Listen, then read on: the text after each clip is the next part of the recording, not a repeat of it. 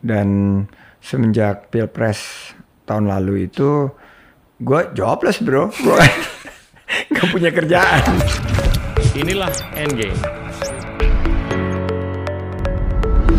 Oke Sen, gue mau nanya lo mengenai hal-hal yang lo geluti di sesuatu yang lo bener-bener passionate nih.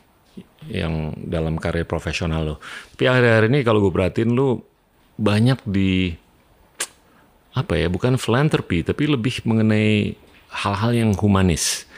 Lu bikin relawan atau grup relawan yang banyak banget bekerja dengan apa korban COVID-19 melakukan rapid testing. Talk about that. Jadi ya natural aja. Hmm. Um, jadi kita kan kena COVID itu di bulan uh, Februari Maret gitu dan semenjak pilpres tahun lalu itu gue jobless bro. Gue nggak punya kerjaan. So, oke okay. rating naik dong. Ya jadi waktu itu gimana? I was at the crossroad. Mesti ke mana-kemana tapi setelah ngobrol-ngobrol sama keluarga sama teman-teman akhirnya gue putusin ya sudahlah uh, bahwa gue akan tetap ada di tengah-tengah masyarakat uh, bagaimana caranya berkontribusi. Nah, salah satu yang gue dirikan pertama kali itu adalah grup relawan untuk karena gue ada beberapa pilar gitu. Untuk yang UMKM udah ada pilarnya, hmm. terus untuk youth unemployment udah ada startupnya. Hmm. Uh, nah ini yang belum kesentuh nih kalau ada bencana kayak Palu tahun 2018 terus ini gimana caranya bergerak akhirnya kita bentuk grup relawan nah sama teman-teman dari lintas sektor tuh ada dari TNI, Polri, dari uh, pensiunan ya. Okay. Terus dari dunia usaha juga semua gabung kita mulai. Terus nggak lama bencana banjir di Jakarta, terus ada bencana lain di daerah Banten. Nah tiba-tiba COVID.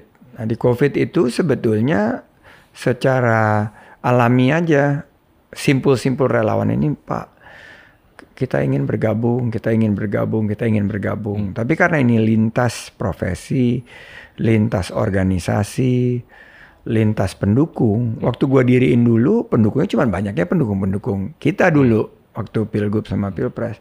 Tapi begitu udah 2019, pendukung-pendukung dari uh, yang selama ini nggak uh, malah berhadapan-hadapan juga datang. Hmm. ingin bergabung ya udah gue bilang gue ganti kita bikin satu koalisi frontnya namanya Relawan Indonesia Bersatu karena musuh kita uh, eh, COVID-19 kita harus uh, bersatu dan gue identifikasi ada lima klaster utama yang kita mesti uh, bergerak secara cepat. Pertama adalah membantu uh, tim medis tenaga kesehatan dengan pada saat itu ya APD, bagi-bagi masker, juga uh, hand sanitizer itu kita udah udah kerjain sebagai klaster pertama. Klaster kedua, gue ngeliat bahwa ekonomi ini bakalan kena hit big time. Jadi kita langsung uh, memulai gerakan untuk berdonasi baik daripada sembako hmm. maupun bantuan tunai, beasiswa, belanja-belanja di UMKM itu untuk jaring pengaman sosial. Yeah. Terus klaster ketiga apa? Wah ternyata kita kurang tes. Mulailah kita kerja keras ngumpulin uang untuk ngadain uh, rapid test hmm. sama PCR based testing hmm. dengan mobile unit di zona-zona yang merah. Ternyata kurang, apalagi yang kurang? Sosialisasi sama edukasi. Akhirnya kita terjun juga untuk hmm. uh, terus uh, bersosialisasi dan edukasi dan terakhir dengan teman-teman diajak untuk keliling dari komunitas-komunitas melakukan gerakan dekontaminasi. Jadi itu cairan disinfektan. Nah, ini yang terus kita lakukan dan di ternyata provinsi di 34 provinsi wow. tapi fokusnya di zona merah di 8 provinsi utama. Okay. Jadi uh, teman-teman semuanya bergerak. Gue juga tadinya kan kita punya banyak keterbatasan. Pemerintah mungkin juga lagi berat dalam keadaan gini. Tapi ya karena digulirin aja dan uh, kita semua saling bahu membahu, ya, alhamdulillah kita bisa sekarang udah hampir 100 ribu paket sembako, uh, sudah hampir 50 ribu uh, testing yang kita jalanin, wow. sudah 10 juta masker kita bagikan, APD-nya sudah ada di level 5 juta. Sekarang ada tambahan lagi nih karena ada kemungkinan gelombang kedua, teman-teman bilang, eh kayaknya rumah sakit rumah sakit itu kurang ventilator. Waduh, gue bilang gimana? Akhirnya tapi terus kita uh, gagas beberapa inisiatif. Ternyata gue kaget juga gitu bahwa sisi-sisi terbaik kemanusiaan tuh keluar pas saat krisis gini. Yeah, gue sangat-sangat uh, apa feel very blessed ya, sangat hmm. merasa bersyukur dan optimis masa depan bangsa ini kalau our national fabric, jadi tenun kebangsaan kita itu gotong royong, yeah. saling peduli, luar biasa gitu. Yeah. Ada aja datang dari mana ini bantu ini, ini kan mereka nganggapnya ya itu kan duit lu semua. Enggak, gue bilang gue justru kalau kalau ini duit duit dari uh, dari gue semua nggak ada partisipasinya. Yeah. Justru gue ingin ada partisipasi publiknya gitu untuk uh, membantu. Yeah. Uh, teman-teman kita yang lagi tertimpa musibah. Dan dan gue percaya itu bukan bukan hanya mereka tuh terpanggil karena cause-nya ya, tapi gue percaya itu karena sosoknya juga lo. Dan lo kayaknya berperan di situ untuk bisa apa ya memanggil atau bikin orang terpanggil. And this is a common cause, hmm. ya kan? Dan dan gue ngelihat ya kita sering ngobrol lah offline mengenai betapa kurangnya testing. Ya kan, hmm. dulu waktu zaman masih 400 per 1 juta, sekarang udah 4 ribuan per 1 juta. Iya, naik. Tapi gue yakin ini korelasinya ada dengan aksi lo yang mungkin menurut lo kecil, tapi menurut gue gede. Ini ngaruh banget terhadap pengambilan kebijakan dan kesadaran masyarakat luas. Nah itu lo you need to know that man. It's it's good for you. Iya. Iya kan? Gua ngelihatnya sih karena ini udah jadi udah jadi bagian dari keseharian dan gue ngelihatnya gimana caranya kita bisa inspire hmm. karena kan sebetulnya langkah kita ini sangat kecil lah dibandingkan dengan apa yang diperlukan uh, tapi yang menurut gue menjadi satu motivasi adalah kalau ada uh, seorang namanya Andri Suryana Bulu di Makassar. Hmm. Dia lihat kegiatan kita di Jakarta terus dia hubungin uh, dia bilang bang aku juga mau bergabung dan melakukan kegiatan yang sama. Apa panduannya? Dan kita serahkan ini template kita dan semuanya adalah mayoritas 80% partisipasi masyarakat. Dan ini terbukti jalan di Makassar terbukti juga jalan uh, hari ini di Majalengka hmm jadi eh, hal-hal uh, begitu sih yang membuat gue ngelihat bahwa jika semua berpikiran kolektif seperti itu, oh keren. Ya bangsa ini bisa keren. bisa ngalahin COVID dan hmm. kita bisa ya cepat sekali akan pulihnya. Gue boleh tanya nggak pandangan lo mengenai kebijakan boleh, pemerintah? Boleh banget. Terkait COVID ini. Boleh apa banget. yang udah keren, apa yang mungkin kurang keren? Yang keren kemarin Perpu Okay. Gua tuh kan sempat aktif banget di politik. Hmm. Gue sempat khawatir Perpu itu uh, akan tersandung. Hmm. The politics of it.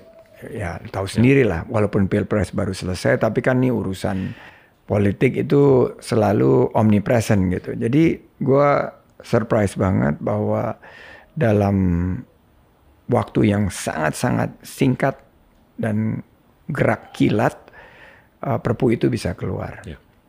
Nah, gue yang kecewa banget dan ini gue juga udah pernah ngomong sama lo beberapa kali offline bahwa ternyata tidak diikuti dengan eksekusi. Kebijakannya kan kita maunya quick and big gitu kan yeah. ya.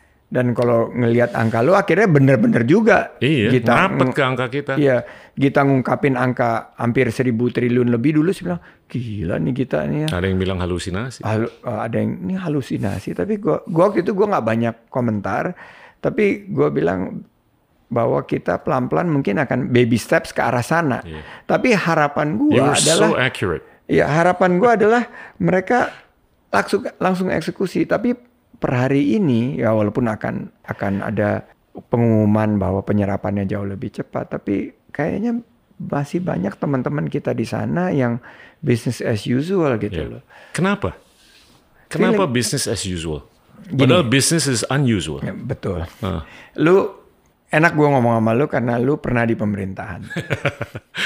dan gue juga pernah di pemerintahan. Dan Oke. dan ini Tapi, ter- tapi terjadi di lu. gue nggak retroaktif ya. Ya nggak retroaktif nggak. Oke. Ini terjadi di lu tapi terjadi juga di gua gitu loh. Begitu lu masuk sistem itu, mau nggak mau, ya even lu trailblazing, lu orangnya sangat, waduh progresif banget. Mau nggak mau ritme birokrasi itu nyangkut ke lu gitu loh. Gua tuh sampai waktu di balai kota itu sampai kaget-kaget sendiri gitu. Respon yang sangat slow. Gua bekerja sendiri, gimana caranya menginspirasi eh, birokrasi untuk move cepat. Eh, Pemikiran-pemikiran kalau bisa dikerjain besok ngapain dikerjain hari ini gitu loh. Terus ada lagi yang lebih parah, kalau bisa dipersulit kenapa harus dipermudah gitu. Nah yang kayak gini-gini sekarang di top leadernya udah berubah. Iya. Tapi di bawah-bawahnya ini it- kan mestinya di reject cepat gitu loh bisa. Dan menurut gua kan kalau kalau ditanya kenapa, gua kemarin ngomong sama salah satu kepala RSUD di daerah, dia minta bantuan dari relawan Indonesia Bersatu, terus rapid test kan gue bilang kan ada dananya, kalian kalian udah dikasih diumumin sama presiden, iya pak, tapi em, guidelines-nya atau panduan-panduannya sangat jauh sama apa yang bisa kita kerjakan. Jadi misalnya rapid test itu harganya 100 gitu di panduan ini tulis 50. Jadi kita nggak bisa beli. Gimana Pak caranya? Jadi hal-hal yang simpel kayak gitu. Loh nggak bisa diubah. Iya perlu tapi perlu perlu lihat meja ini, meja ini. Aduh jadi jadi gemes sendiri gitu loh. Jadi hal-hal kecil yang akhirnya menumpuk, akhirnya menjadi besar, terus mengakibatkan eksekusinya lamban. Nah setelah digebrak kemarin mulai ada katanya. Iya. Tapi kita lihatlah. Birokrasi memang Insya Allah. Em, ya identik dengan red tape dan lain sebagainya. Tapi gue cukup optimis kalau misalnya eh, semua pihak mendorong ini satu kebijakan yang besar yang sudah bagus ini bisa tereksekusi dengan cepat. Jadi dari segi directionnya, I think it is in the right directions. Dari segi speednya, it is very very disappointing. Gue gue khawatir dengan incrementalism, ya kan? Eh, memang banyak hal tuh harus dilakukan secara inkrementalis, tapi ini kedahsyatan permasalahannya. Ini kan nggak kecil. Gue takut tuh incrementalism will not get us to the right place. Itu yang gue takutin dan gue Dan khawatir. incrementalism itu berbahaya banget. Karena it removes the big picture. Iya, Jadi kita akhirnya eh, sangat-sangat complacent. Kita ya udahlah segini aja majunya. Habis itu adjust lagi maju. Memang kita mesti nimble, mes- mesti fleksibel. Tapi kita juga harus punya satu komitmen eh, kepada rencana besarnya gitu. Iya. Jadi kayak COVID-19 sudah jelas, lu mesti tekan angka infeksi. betul. Gimana caranya? Kalau nggak ekonominya juga nggak akan Iya. beres. Ya udah harus ngambil keputusan. Mungkin nggak populer, tapi mesti ngambil keputusan itu gitu.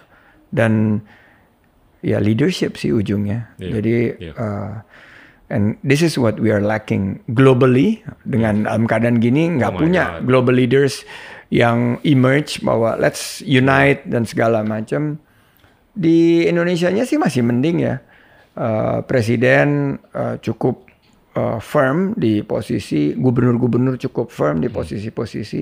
Jadi ya tinggal kita mampu untuk mengakselerasi aja, adopsi daripada measures yang diperlukan ini. Iya, gue gue sering berpikir kalau ada masalah tuh kan it's either because of people or process. Tapi kalau orang beralasan bahwa ini prosesnya, tapi yang bikin proses itu adalah people, Iya kan? Iya. Jadinya jangan sampai deh kita semakin jago beralasan daripada bersolusi, Iya. Iya kan? Dan itu gue gua tetap berpendapat kita harus lebih bisa bersolusi gitu. Nah ini balik ke passion lo yang kedua. UKM. You wanna talk about this? Gini gue nggak sengaja I stumble upon UMKM Untuk juga. UMKM. Ya UMKM karena mayoritasnya mikro. Jadi waktu gue mulai usaha kan setelah di PHK itu gue mulai usaha terus gue ngejalanin usaha dari kecil uh, mulai berkembang berkembang terus masuk ke mulai asosiasi dunia usaha. Tiba-tiba gue uh, kenal dengan uh, Bu Eva Rianti Hutapea. Uh, dulu CEO-nya Indofood. Dan ini dia yang paling pertama memperkenalkan gue dengan uh, UMKM ini dan waktu itu kita berdua minta izin ke Pak Hidayat waktu itu ketua Kadin. Gimana kalau kita memainstream UKM ini? Karena UKM dulu itu penting tapi jargon jadi cuman jargon-jargon politik. Terus kementeriannya uh, mengurus bukan policy-policy yang sentral. Uh, dan waktu itu kita nggak mau masuk di sisi public sectornya kita bilang oke lah di private sector. Nah waktu saat itu di Kadin kita mulai susun um, satu roadmap terhadap pemberdayaan UMKM 25 Di tahun, tahun ke depan. 2004 waktu itu. Jadi um, Lu udah di Kadin ya? waktu itu? udah di Kadin waktu itu. Jadi di situlah dan I fell in love. Saya lihat bahwa these people 99% usaha Indonesia itu populasinya mereka UMKM. Pada saat itu mereka baru 30 juta, 30 32 juta jumlah unit usahanya. Terus 95% waktu itu, sekarang 97% lapangan kerja itu mereka yang ciptakan. Dan kontribusi terhadap ekonominya waktu itu udah di level 50% kata sekarang udah 60%. Nah tapi mereka ini nggak pernah mendapatkan sentuhan-sentuhan kebijakan bukan hanya dari pemerintah tapi juga dari dunia usaha yang memberdayakan. Nah terus mulailah gue lakukan pendekatan-pendekatan dan gue masih ingat banget waktu zamannya gue masih di Astra Pak William Suryajaya bilang bahwa di balik grup Astra ini ada 60 ribu UMKM yang bukan hanya ngurusin catering, bukan hanya ngurusin cleaning service, tapi mereka ada dalam proses produksi, dalam value creation every single product and servicesnya Astra. Jadi terus ya berkaca dari situ kita mulai seriusin. Dan semakin terjun gue semakin uh, amazed bahwa mereka itu sangat tangguh, mereka punya passion yang kuat dalam menggerakkan ekonomi. Nah akhirnya pas di HIPMI di tahun 2005 Ya. gue terpilih jadi ketua umum HIPMI, gue udah reorientasi bahwa Asik. UMKM. Selama ini nggak pernah ada fokus ke situ di HIMI? Di zaman eh, dulu sudah, tapi eh, di sebelum gua juga udah waktu itu ketua umumnya Lutfi ya dia juga udah udah masuk ke UMKM tapi pada saat itu kita nggak nggak memainstreamkan eh, UMKM ini. Nah sekarang UMKM udah mainstream. Tinggal menurut gua sih eh, kan startupnya udah tinggal scaling up-nya aja. Scaling up-nya ini yang diperlukan dan ini kan dulu UMKM bro. Lu ngelihat sendiri Iya, tempat ini ya. banget. UKM banget gitu loh. UKM dan modest dan dengan sentuhan Iya, bootstrap abis. pelatihan, Hmm. mentoring, dan it become like this Iya. gitu loh. Jadi Hmm. bisa, bisa banget. Dan kalau semakin banyak yang melalui proses mentoring, melalui proses eh, akses terhadap pasar, Iya. eh, perizinan yang dipermudah, Iya. polisinya juga berpihak kepada mereka. Hey, kita tuh punya Iya. sangat besar potensinya untuk berkembang. Gue gue percaya banget lah istilah atau pepatah apa talent is universal, tapi opportunities are not.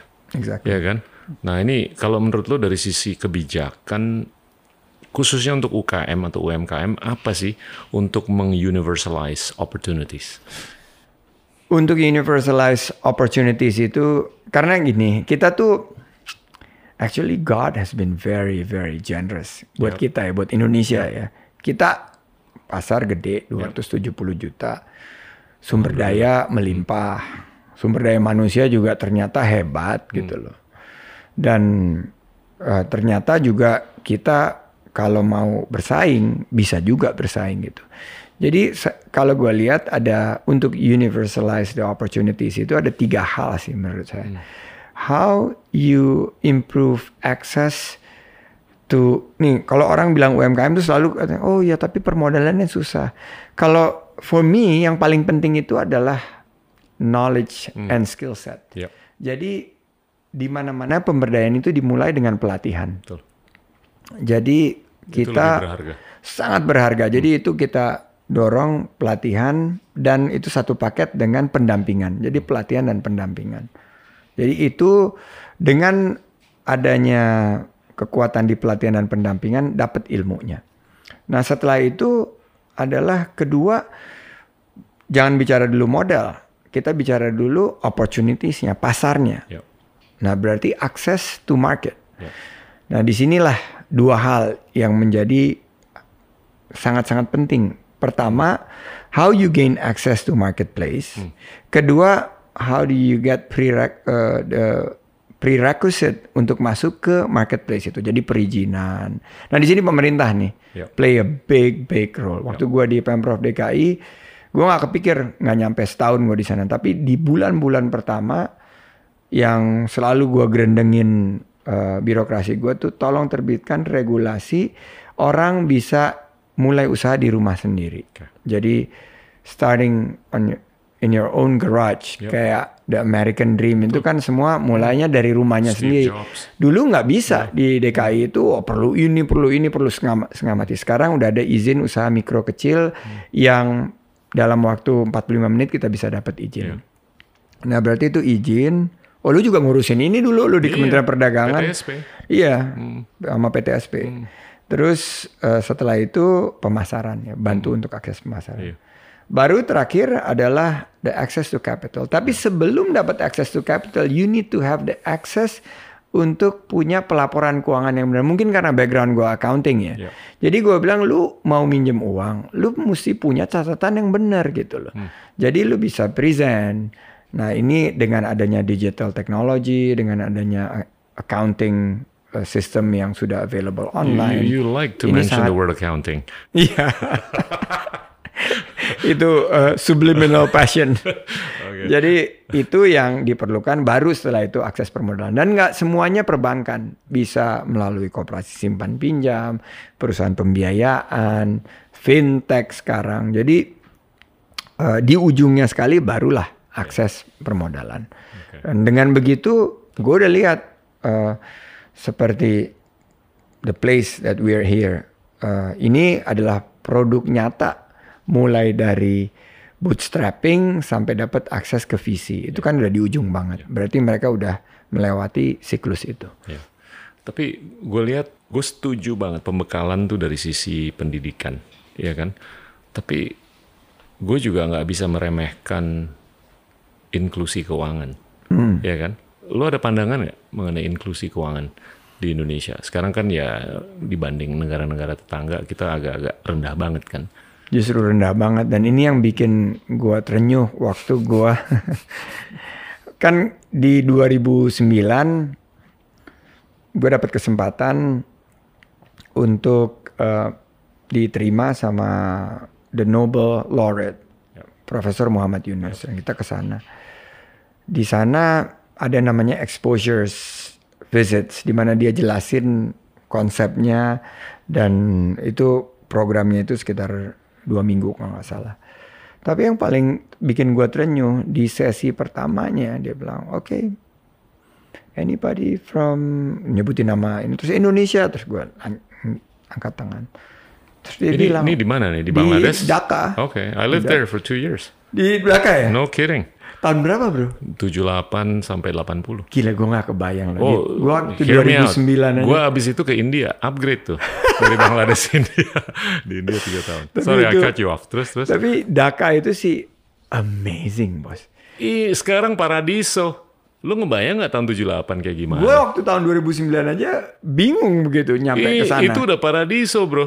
Udah paradiso ya? Paradiso. Gila. 78. Anyway, nanti deh di sesi berikutnya kita Tapi cerita. 2009 gue ke Dhaka juga gue merasa Lo nginep di- berterima kasih nginep di hotel hidup di mana? Jakarta.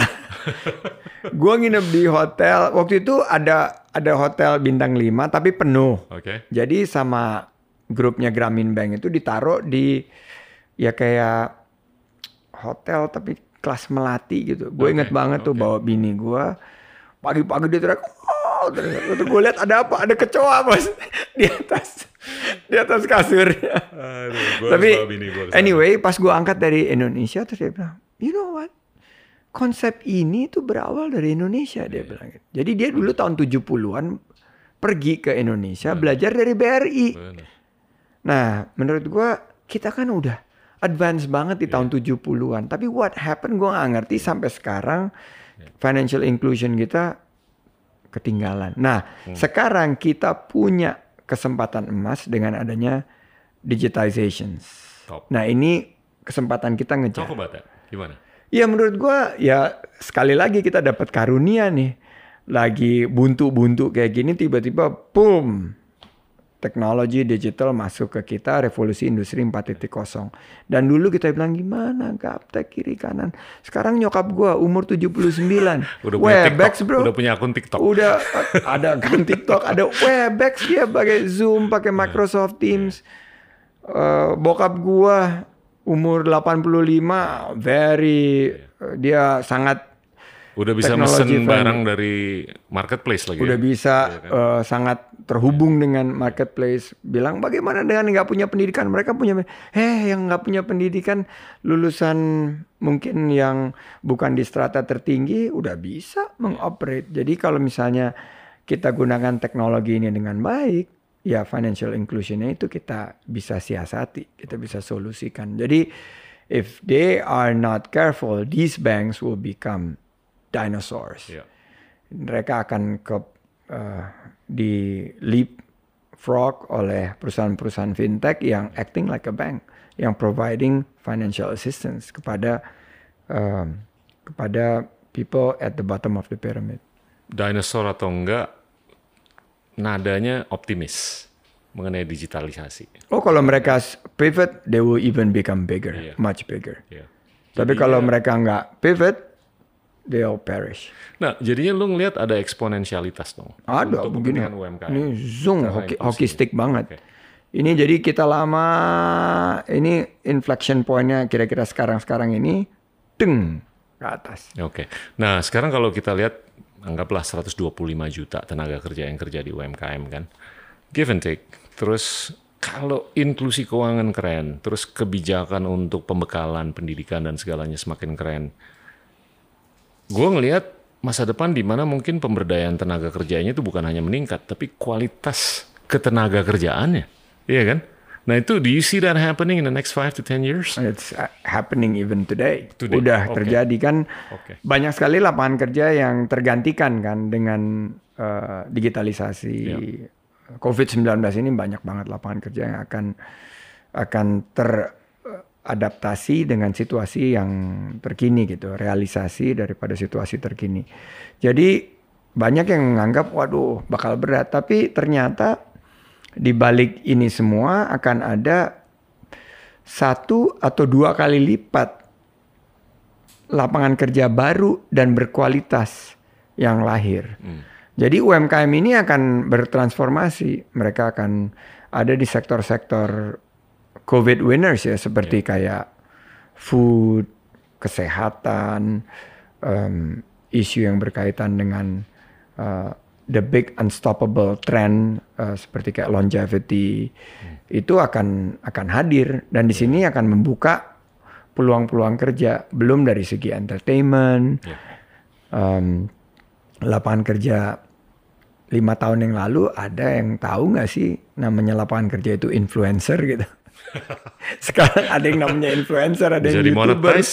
bisa dimonetize Nah, tadi kita ngomong mengenai beberapa kawan-kawan kita kayak Wowi itu ya nggak Ah, gila. kepikiran Jutaan. Iya nggak kepikiran dulu Hmm. 5-10 tahun yang lalu ada lapangan pekerjaan seperti itu gitu. Jadi uh, I'm optimistic. Bagus. I'm really optimistic. Oke, lu lu udah mention pitfall terkait dengan penanganan kesehatan, tapi lu belum ngomong mengenai pitfall terkait dengan UMKM. Gue mau coba korelasikan nih antara COVID-19 dengan UMKM. Kemungkinan atau kemungkinan besar ada kan beberapa teman pengusaha UMKM kita yang nggak dibantu. Dan kita ini berdua udah ngalamin beberapa krisis, 98, 2008, di mana resiliensi UKM, UMKM itu terbukti. Tapi sekarang agak beda kan karena adanya PSBB. Gue takut nih, maksudnya nggak nggak terlalu fatalistis dalam arti kata ini akan terjadi permanent impairment atau pelumpuhan permanen terkait beberapa pengusaha UMKM. Itu fair nggak sih representationnya? Sangat fair dan ini ada beberapa tahapan ya. Kan tahapan pertama mereka tiga bulan pertama mantap, mereka makan tabungan. Siap. Karena omset turun drastis, pengeluaran mereka coba tahan, mereka nggak mau PHK. Mereka yang punya 20 pegawai, itu mereka berusaha bertahan, akhirnya tabungannya habis. Nah, mereka akan masuk ke permanent impairment atau teman kita ada yang bilang kelumpuhan uh, permanen mm -hmm. adalah pada saat mereka menjual aset. Mereka harus menjual aset, aset produktifnya mereka untuk uh, menyambung kelangsungan usaha mereka. Nah ini yang akan terjadi. Tapi um, ini mestinya menjadi pemicu langkah yang lebih akseleratif dan strategis dari pemerintah yeah. bahwa kita nggak bisa. Oke, okay, anekdotal satu dua bisa lah hmm. seperti ini, tapi nggak boleh uh, sistemik yeah. sampai seluruh UMKM akhirnya masuk ke pitfall itu. Yeah. Kedua, di UMKM UMKM ini kan bedanya antara tadi 97 sama 2008 adalah UMKM yang tangguh, hmm. tulang punggung, Betul. dia mereka jadi juru selamat. Kali ini kan terbalik, ya. mereka yang terpukul jatuh di ronde pertama nih Kasian. di krisis ini. Nah, sebagian dari mereka ini yang memang naturally fighter gitu, hmm. mereka pivot, mereka coba. Ini akhirnya muncullah cerita-cerita seperti kayak Bu Sri yang dagangan jamunya um, tadinya nggak bisa jualan karena PSBB, begitu udah mulai dia pindah pivot dagang digital, jamu empon-emponnya sekarang dia jual omsetnya tiga kali lipat yep. gitu loh. Nah, ada juga nih anekdotal seperti ini. Ya. Jadi kunci daripada kita adalah supaya menghilangkan kekhawatiran lo hmm. Dan supaya lo nggak jadi fatalistik. kita bersama. kekhawatiran kita bersama adalah cepat kita harus identify okay. the right plan executions dan uh, menurut gua as fast as possible bring the cash to the people, bring the iya. cash ke UMKM, iya, kasih duitnya itu di kantong mereka. Kalau di iya. kantong mereka, mereka mengkonsumsi, gerak lagi ekonominya. Dan itu cuma satu-satunya cara kita untuk untuk bisa cepat pulih dari dari pandemi ini. Dan prinsip pertama ekonomi Indonesia itu adalah konsumsi kan. Mm -mm. Jadi semakin cepat lu bisa turunkan bansos, semakin kita bisa terus konsumtif. Iya. Ya lu lihatlah realisasi bansos masih kurang optimal kan? Masih. realisasi UMKM masih kurang masih, optimal. masih kurang. Ya kan? Tapi gue tetap punya pandangan ini kemungkinan akan terjadi kelumpuhan permanen di beberapa bagian. Betul. Ya itu enggak disayangkan. Itu disayangkan. itu itu nggak bisa terhindari. Sayangnya itu misalnya bisa kita bisa bisa kita desain untuk nggak begitu kalau kita geraknya cepat. Ya. karena sekarang udah ada di titik ini, kemungkinan besar ada beberapa sektor yang akan mengalami